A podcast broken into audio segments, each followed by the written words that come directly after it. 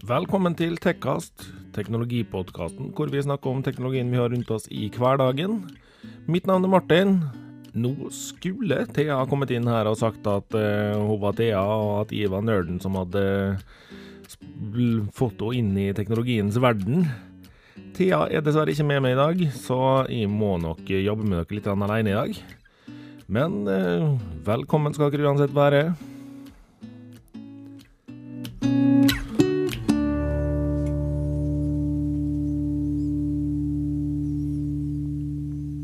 Får håpe ikke altfor mange av dere ble superskuffa over det faktum at Thea dessverre ikke er med i dag. Men eh, dessverre så blir det, det sånn da av og til at eh, når man holder på med skole og jobbing og diverse sånn som Thea gjør, så blir det litt travelt. Og denne gangen her fikk vi det rett og slett ikke til å klaffe for begge to samtidig. Så eh, denne gangen her endte vi opp med at det blei bare i. Uh, for å håpe dere ikke blir altfor lei av min stemme. Men uh, jeg skal i hvert fall lose dere igjennom en episode her nå, nå som uh, er den siste episoden, normale Tekkast-episoden for året. Det føles litt weird å si nå, men altså, det blir ikke den siste i år, men det blir den siste normale. Fordi eh, vi har én episode igjen i år, før vi tar en eh, liten ferie. Og den siste episoden uh, i år, den blir litt annerledes. Nøyaktig hvordan den blir, mm, ja, det får man høre om uh, 14 dager.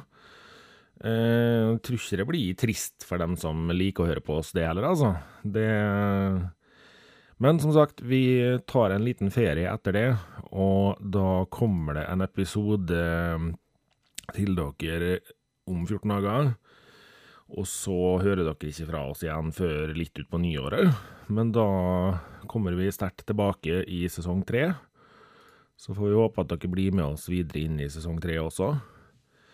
Men i dag så skal vi snakke om eh, et tema i helt ærlig nesten skammer meg litt hver gang jeg sier, men eh, vi må snakke om Huawei igjen.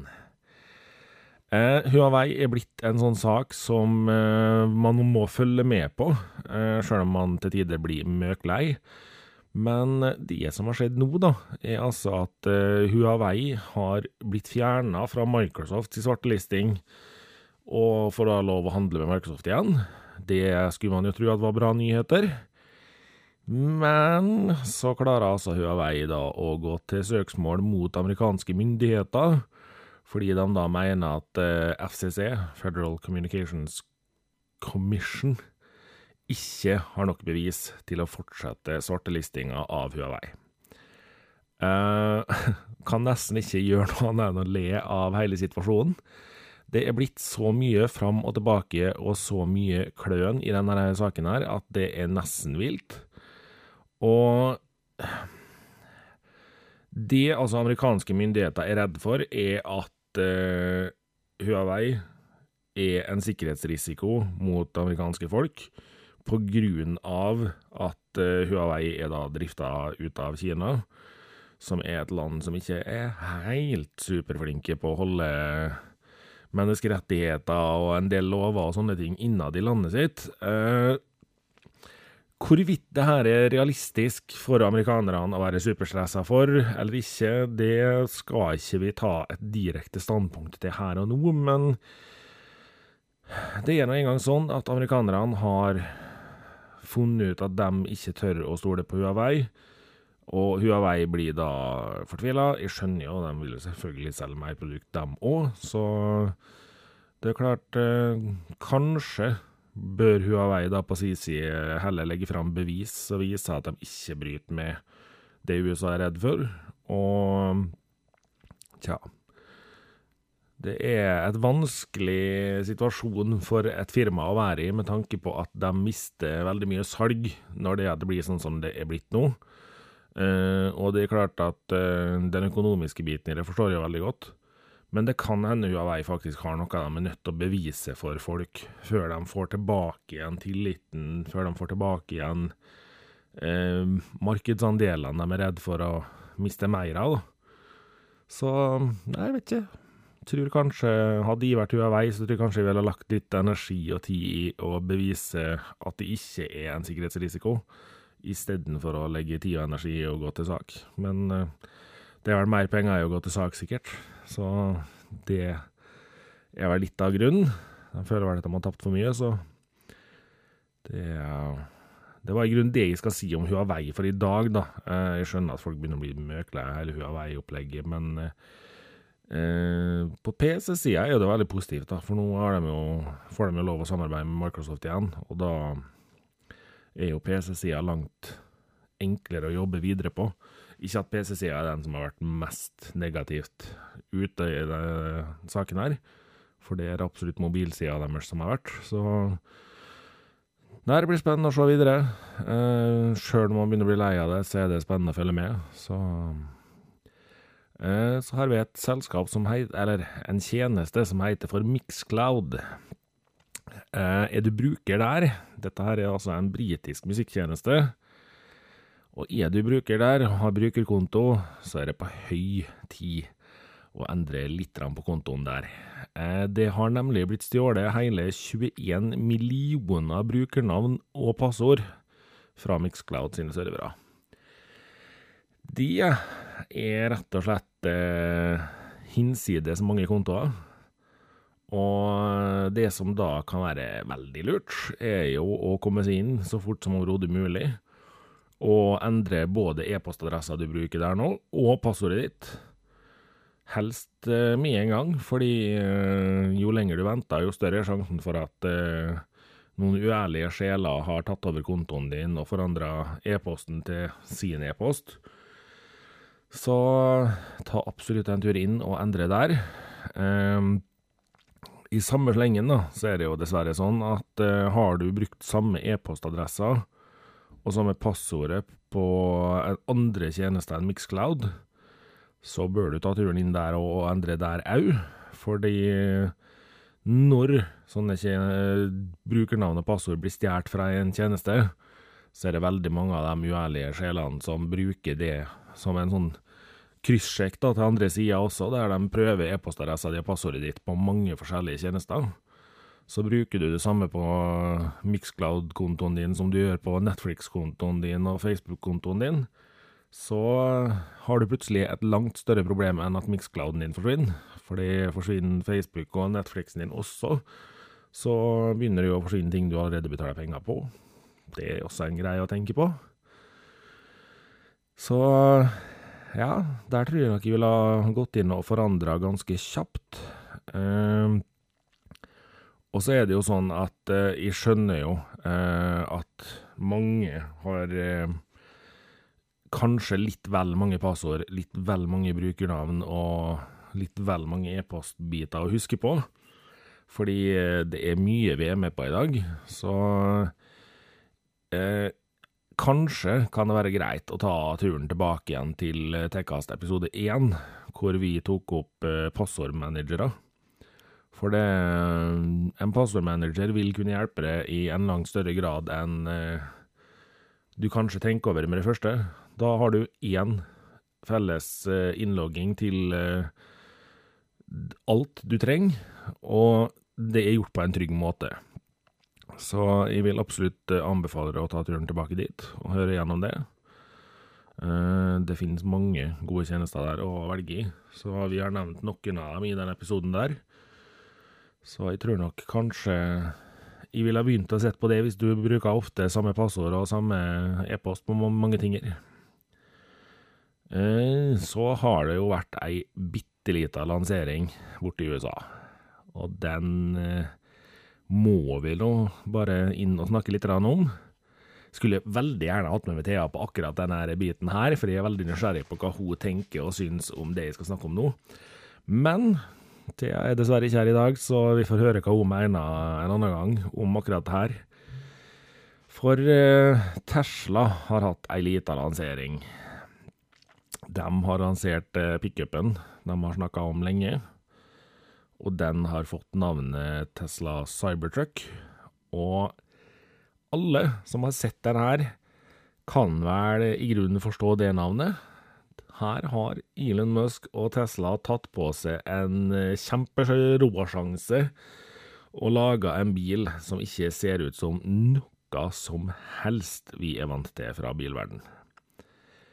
Det er faktisk eh, en så radikalt spesiell bil å se på at uh, under lanseringa av bilen så trodde veldig mange i publikum at uh, det her stemmer jo ikke. Når bilen kom kjørende opp på scenen, så står folk og litt sånn uh, OK, er det her en prototype vi ikke har sett før, som de bare viser fram nå for å terge oss? Og det sto faktisk veldig mange og venta på at den ekte versjonen skulle komme ut på scenen.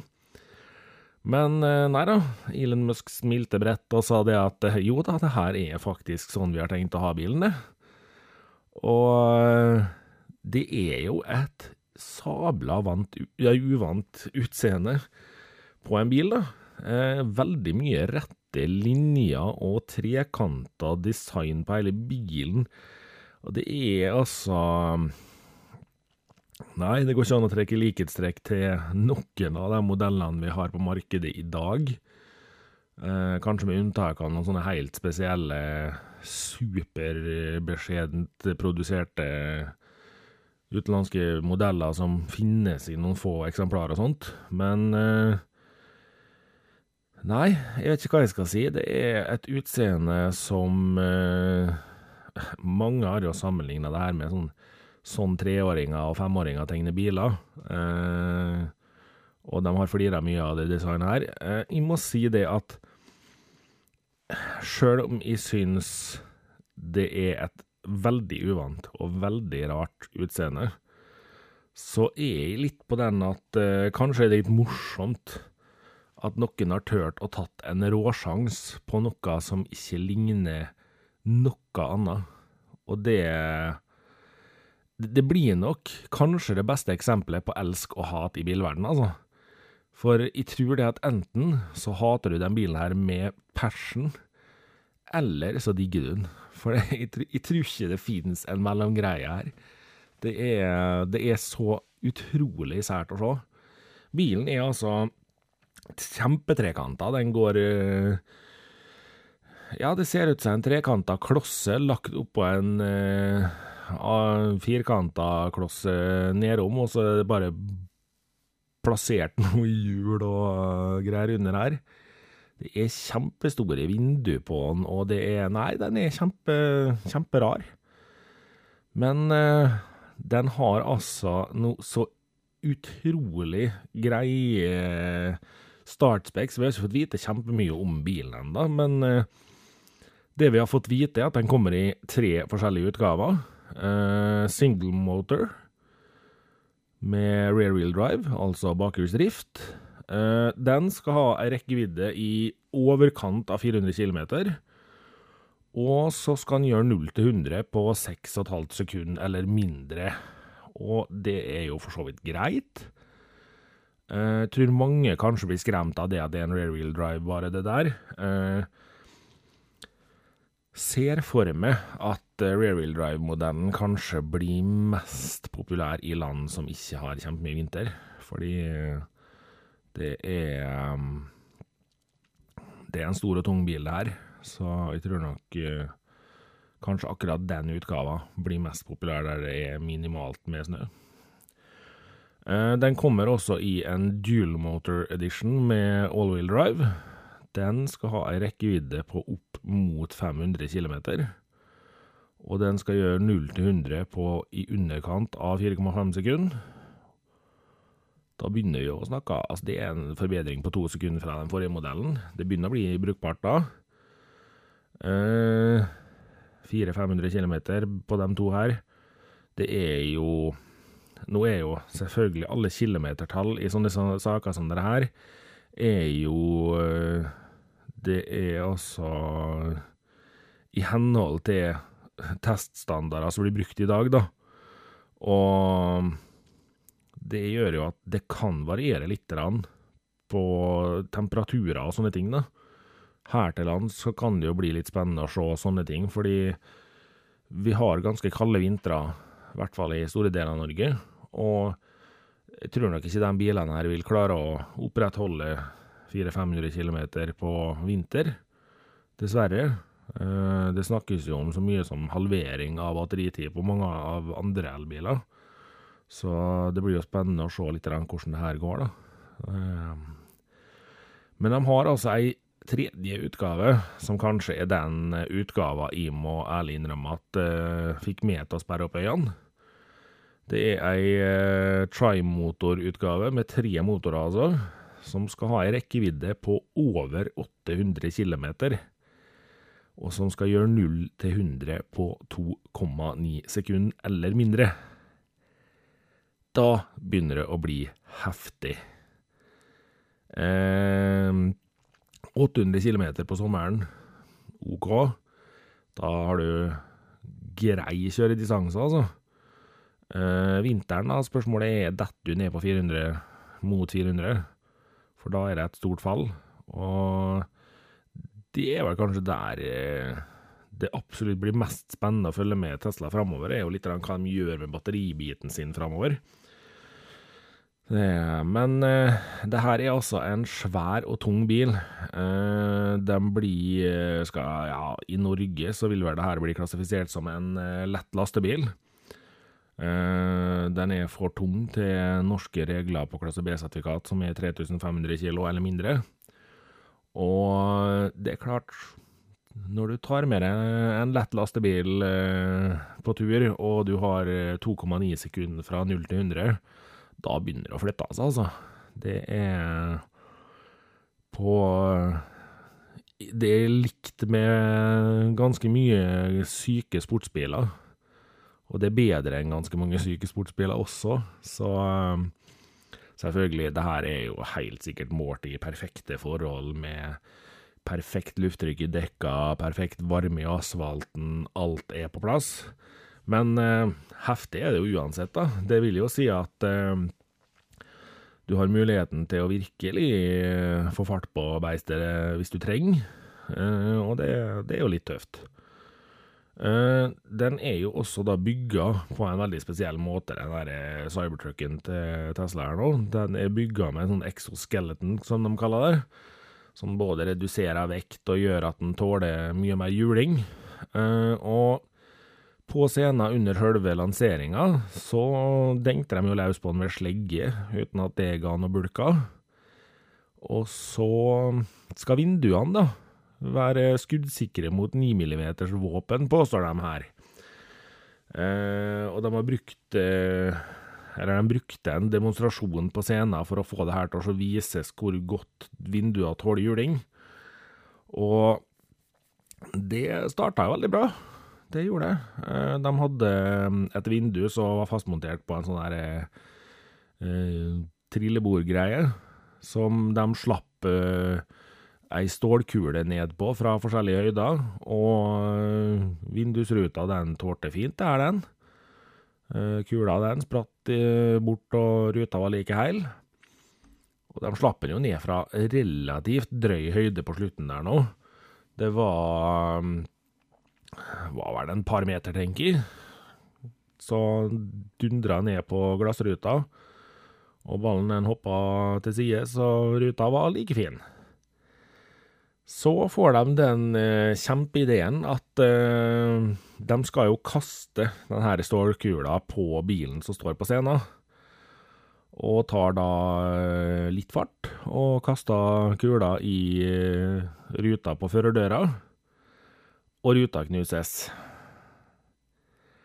Eh, Elon han eh, flira og sa 'oi, skjedde virkelig det der', ja. Og så blir de enige om at eh, ja, jeg får kaste ballen på bakdøra òg, da. For å se om det forandrer noe. Så knuses jo den nå, da.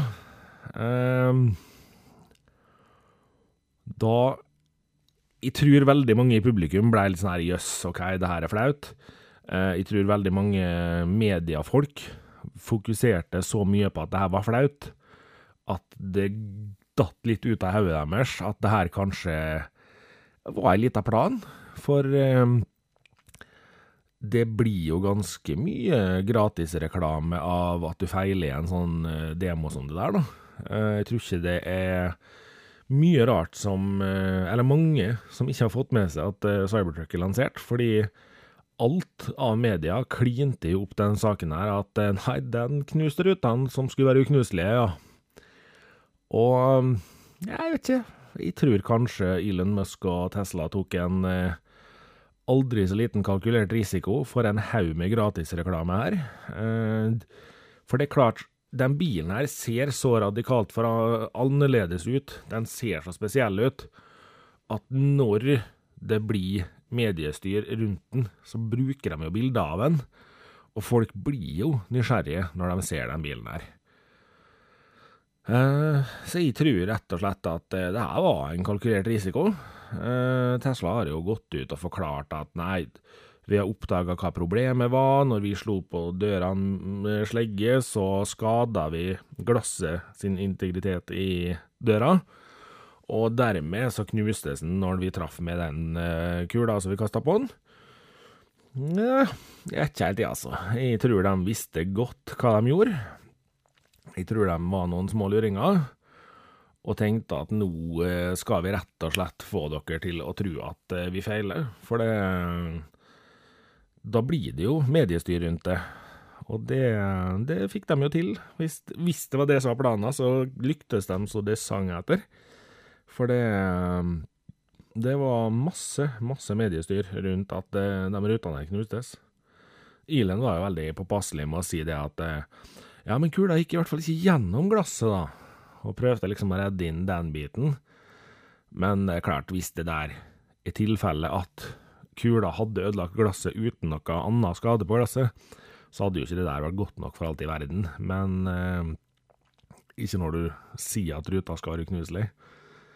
På en vanlig bil så hadde vel den kula kommet til å gå rett igjennom både førersida og passasjersida, tenker jeg. Så Sånn sett så skal jeg ikke klages altfor hardt på det, men uh, sier du at ruta skal være uknuselig og til og med skuddsikker mot 9 mm våpen, så kan det hende den bør tåle ei lita stålkule som blir kasta på den. Men uh, ja, nei. Jeg tror dette her var et lite PR-stunt som uh, de fikk akkurat det de ville ut av, og det det, det kan være spennende å se om det er det, er det som var meninga deres, da. Det den bilen her er jo altså Folk blir jo veldig frustrerte og oppkava når de snakker om biler de syns er stygge. Men eh, det er altså som sagt en veldig trekanta bil. Eh, fronten går oppover i en vinkel. Møter taket i, på toppen av trekanten, for å si det sånn. Så går den ned i en litt flatere vinkel bakover til lasteplanet. Og der har de løst det sånn at de har et deksel som går som legger seg over lasteplanet når det ikke er i bruk, så ikke du fyller det med snø og vann og dritt. Og det dekselet det ser ut som en sånn rullegardin som trekkes inn i en konstruksjon der. Ser for så vidt veldig stilig og flott ut, uh, og jeg tror kanskje det at hvis det der faktisk funker uh, på norsk vinter, at den der uh, ikke fryser og ikke klarer å komme seg inn og ut og sånne ting, så kan det der bli veldig bra. For det, det er jo et problem med pickuper at det er lett å få for mye dritt baki dit, bak i lasteplanet. Og på den bilen her så er jo lasteplanet en del av det de liksom er veldig fornøyd med. De har laga til ei luke på lasteplanet hvor du feller ned luka, så kan du dra ut ei kjørerampe, f.eks., som da går ned til asfalten, eh, eller til bakken, da. Og mm, bilen er luftfjæringa på, så den eh, senker seg baki når du har ned den rampen for at du skal få en lettere vinkel til å laste inn og sånne ting. Og det er jo kjempestilig. Eh, det har jeg Jeg tror personlig at det kan være en veldig god løsning med tanke på hvordan folk bruker pickuper, da. Det er jo gjerne Du skal ha med deg en del tunge tinger. Kanskje du vil ha med deg ja, en dirtbike, et eller annet sånt noe. Eh, Tesla sjøl håper jo at du vil ha med deg en Eh, aldri så liten eh, quadbike eh, som de har ATV som de har produsert. Den selvfølgelig elektrisk, den også. Fikk vite ekstremt lite om den. De kjørte den opp på scenen, kjørte den om bord i bilen, satte den på lading i lasteplanet, og det var i grunnen det de sa om den. Så det blir spennende å se hva den er for noe. Eh, men det var, det var, jo en gimmick for å vise at eh, en såpass eh, godt utstyrt elbil som de har laga nå, mener de sjøl, skal selvfølgelig også ha muligheten til å lade annet elektrisk kjøretøy oppi planet. Så der har du uttak for lading. Og for så vidt er jo det en kjempekul idé, fordi eh, La oss si at du skal på hytta, og så er det et stykke å gå fra hytta, eller fra parkeringsplassen til hytta. Så har du med deg en ATV bak i planet, og så lader den på tur opp. Så på, kjører du av ATV-en, setter på den og kjører opp til hytta. Og når du kommer ned igjen, så kan du kjøre den opp igjen i planet og lade den på vei hjem igjen. Så ender jo den biten ut av verden. Og sånne ting er jo klart, det er jo i starten så vil jo det her være en gimmick. Uh, I personlig tror jo det at uh, hvis de kommer med noen elektriske uh, offroad, små motorsykler eller eventuelt trøsykler eller sånne ting da, med hjelpemotor på, så vil det være et stort segment av mennesker som syns det er en kul greie. Og kanskje da ja, Si at de kommer med noen små dirtbikes da, som du kan plassere opp i planet der, og så kan du lade dem på tur til dit du skal, og så ferdig å kjøre og kose deg på tur med dem. Og så kommer du tilbake igjen, og så kan du lade på vei hjem eller på vei til neste destinasjon hvor du skal kjøre. Sånne ting er jo stilig, fordi eh, driver du først med elbil og eltinger, så er det jo kult å vise fram at eh, du kan få sånne ting som det der til å være praktisk, da. Og det er vel det de har jobba litt med her. Og etter lanseringa så var det jo veldig mange som eh, heiv seg på Twitter og skrev noen meldinger til Elon Musk, fordi eh, første spørsmålet var jo Går det an å få solcelletak baki på lasteplanet der nå? Og det var han relativt kjapt å bekrefte på at eh, det skulle gå an, så det skulle han se på og hadde vel en liten plan på det, så den skulle vel kunne lade batteriet på bilen med noen prosenter i løpet av et døgns tid med sol, og det er jo Sånne ting er jo veldig kult. Eh, da har du muligheten til å bruke bilen på en litt annen måte hvis du er i veldig solfylte områder òg. Eh, Norge kan hende det blir litt kjedelig. Vi har en ganske lang periode på året hvor det er ganske mørkt, så jeg får ikke lada mye av den. Vi har jo også sett en variant av den bilen her med sånn campingpåbygg baki på planet der nå. Ser veldig kult ut, det også. Nå vet jeg om uh, å fære på campingtur langt ut i ødemarka med en elbil er det første jeg har kommet til å prøve på. Uh, tror kanskje jeg ville vært veldig mye tryggere på distanser og sånne ting da, enn jeg ville vært hvis de skulle holde meg langs veien. For det Langs veien får du alltid lada, men det er ikke sikkert at du får det midt ute i ødemarka, altså. Så det Og utover det, da, så er vel bilen eh, de første utgavene, de to første utgavene, er singelmotor bakhjulsdrift og dualmotor firehjulsdrift. Skal komme på markedet i 2021. Og tremotorutgaver skulle komme i 2022. Um, jeg må være så ærlig og si at jeg liker den bilen her, altså. Ja, den ser kjemperar ut. Ja, den er svær.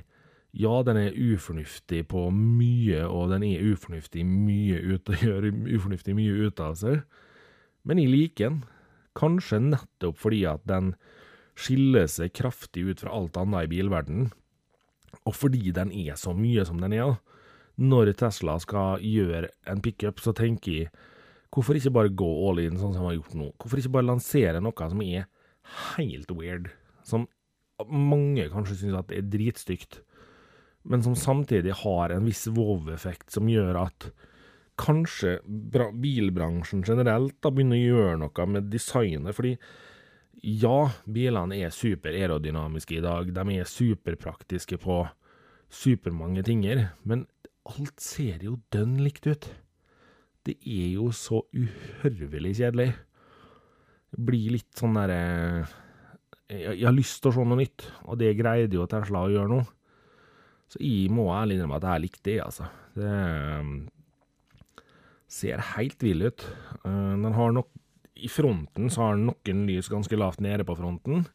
Så har den en kjempelys sånn LED-bar over hele frontbredda, rett under frontruta. Og så har den en likedan LED-bar helt opp med taket, rett før liksom taket vipper ned igjen. Og nei, jeg syns faktisk at den ser massiv og tøff ut, rett og slett. Uh, nå er jeg så heldig at jeg har jo lappen til å kunne kjøre den også, så jeg tester gjerne den der når den dukker opp, altså. Uh, tester uansett åssen utgave jeg får tak i av den. Og nei, jeg syns den, den, var kul, sjøl om den er kjemperar. Og sjøl om uh, vi veit for lite om den enda, da. Det er klart, uh, jeg håper absolutt at vi får vite noe om Tesla sin planer om batterikapasitet og sånne ting som det der etter hvert, fordi batteriteknologien er jo den vi må se størst forandring i nå framover. Um, og det kan bli spennende å se litt sånn Hva er egentlig det neste steget på batteri, da? Fordi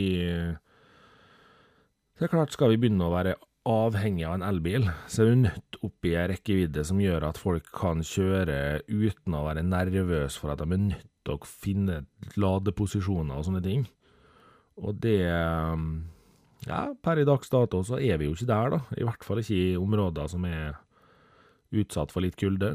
Og det er jo synd. Men eh, jeg synes jo kanskje at Tesla virker veldig positivt på flere av de tingene de gjør, da. Og nå skal jeg på ingen måte si at ikke andre elbilmerker også gjør det, fordi det kommer utrolig mye spennende i elbilmarkedet. Men så er det det at uh, Tesla greier å være høylytte nok, de greier å være bøse nok til at det, det, det, er lettest å legge merke til dem, da. Og det Det gjør jo at de har en stor verdi i den biten med hva folk tenker om bilene deres, og hva folk tenker om elbil videre framover. Så jeg har litt trua. Uh, nå skal det også sies at Tesla har vært veldig breiale i hva de påstår at den bilen her kan taue. Uh, for det er jo en pickup, så da er det mange som tenker at de må ha store tilhengere og sånt noe på dem, fordi at de bruker det til det i dag. Og sammenligninga som var gjort, var det at uh, Toyota Tacoma, som er den mest populære pickupen i USA i dag, det er en bil som drar Nå husker jeg jo ikke 100 tallet her, men den drar brukbart, da. Og Tesla og Cybertruck skal visstnok dra det dobbelte. Uh, det tar i meg en liten klype salt, fordi å si du drar det dobbelte, det er enkelt i rein å si det. Men å bevise det er en annen sak, fordi hvor mye går det utover rekkevidda, hvor mye klarer de faktisk å dra, uh, sånne ting. Uh, veldig fint bilde på nettsidene til Tesla med en gedigen tilhenger bak bilen og sånne ting, men det er jo sånne ting vi må få se mer av i framtida, før han blir lansert, hvorvidt vi skal tro på alle de tallene vi har fått eh, der nå, da. Men eh, for all del, det ser, eh, det ser lovende ut, altså. Det ser tøft ut. Og Nei, jeg har, jeg har, faktisk trua. Jeg tror det her kan bli en modell som, sjøl om den skiller seg ekstremt ut, så kan det bli mange som syns at det er litt kult at den er så radikalt forandra òg. Og det Nei, det skal bli kult å se. Absolutt. Uh, jeg må vel ærlig innrømme det at uh, jeg er spent på pris, fordi uh, i USA så kommer den minste modellen til 39 900 dollar, som er billigere enn de fleste andre pickuper i samme segment da, i USA. Og det er jo utrolig kult. Uh, Veldig spent på hva det betyr for de to neste modellene. Det har ikke kommet noen skikkelige priser på dem ennå. Men uh, ja Jeg tror kanskje det at uh, vi her i Norge da er veldig spent på pris, fordi det er jo utrolig, utrolig spesielt når eh, norske myndigheter skal prise sånne ting som det her, fordi de har en tendens til å sette opp eh, prisene ganske drastisk i Norge på modeller som er tunge og store. Så nei, det skal bli spennende å se. Um, jeg tror jo personlig at hvis den største utgava kommer under ja, la oss si under 800 000-900 000, da, så er det en grei pris på den største utgava. Uh, selvfølgelig håper jeg den blir enda billigere, men uh, det er ikke godt å si. Uh, den billigste utgava blir sikkert i Norge en plass mellom 500 og 600 000. så nei, vi får se. Det kan bli altfor dyrt, og det kan bli spennende å se om det går an å få dem ned i en fornuftig pris for en pickup i Norge også. Eh, jeg tror ikke jeg tør å håpe helt og holdent på det, men eh, det hadde vært veldig kult. Så det Det er det jeg har å si der, i grunnen. Eh, faktisk så er det en bil som gjør at jeg igjen får lyst på pickup, og det er jeg siden jeg hadde lyst på pickup sånn helt og holdent sist. Uh, jeg liker en god del uh, Ford pickuper, men uh, den her var enda kulere, liksom, så Eller, ja. Den var kul fordi den var så sinnssyk. det I den podkasten her så har vi jo hatt noen faste spalter som vi har vært veldig tydelige på at vi ikke vil hoppe over. Skal selvfølgelig ikke hoppe over dem i dag heller. Uh, men det blir veldig mye av meg i dag, da, siden jeg dessverre ikke er med meg i dag. Så uh, dere får bare leve over med at jeg fortsetter å skravle videre. Uh, Toppteken jeg har tenkt å dra frem i dag, er sporingsbrikker. Og det er rett og slett et genialt produkt for dem av oss som har en tendens til å rote bort ting og kanskje være litt usikker på hvor har vi lagt nøklene, hvor har vi lagt lommeboka og sånt noe. Eh, de spillene finnes jo i et hav av forskjellige varianter. Alt fra nøkkelringbrikker til bankkortbrikker som du legger i lommeboka di, og du har massevis av flere. Du har noen klistremerkebrikker som som har mindre rekkevidde og sånne ting, men som allikevel da vil kunne vise deg i kart hvor de lå hen sist de var tilkobla mobilen. Du har nøkkelknipeversjoner som uh, pip når du går fra dem, fordi appen, du kan stille inn i appen at hvis de går fra, så skal du pipe og varsle meg om at de går fra den.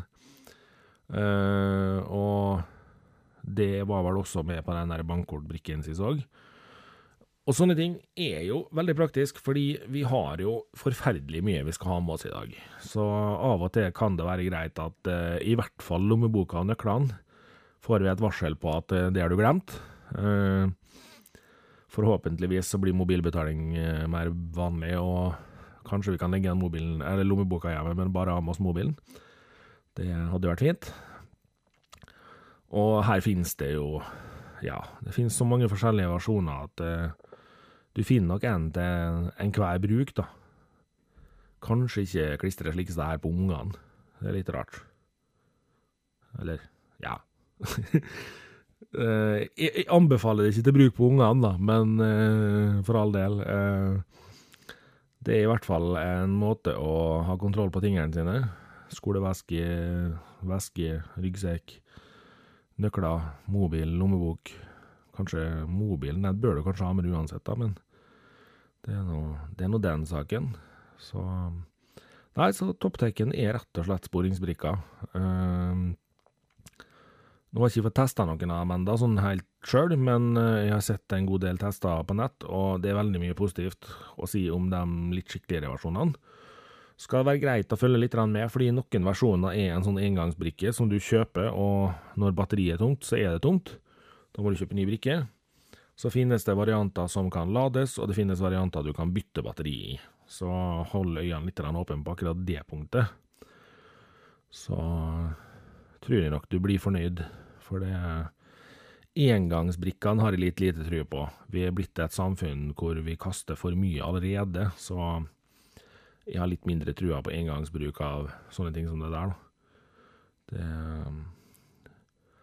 Så har vi ei spalte hvor vi bruker å anbefale dere noe, og sjøl om Topptaken delvis ble ei anbefaling den òg nå, da, så vil jeg i dag anbefale et spill, og det føles veldig rart å anbefale det spillet jeg skal anbefale i dag. For jeg likte virkelig ikke det forrige spillet i serien. Uh, det jeg skal anbefale dere i dag, er Tom Clancys Ghost Recon Breakpoint.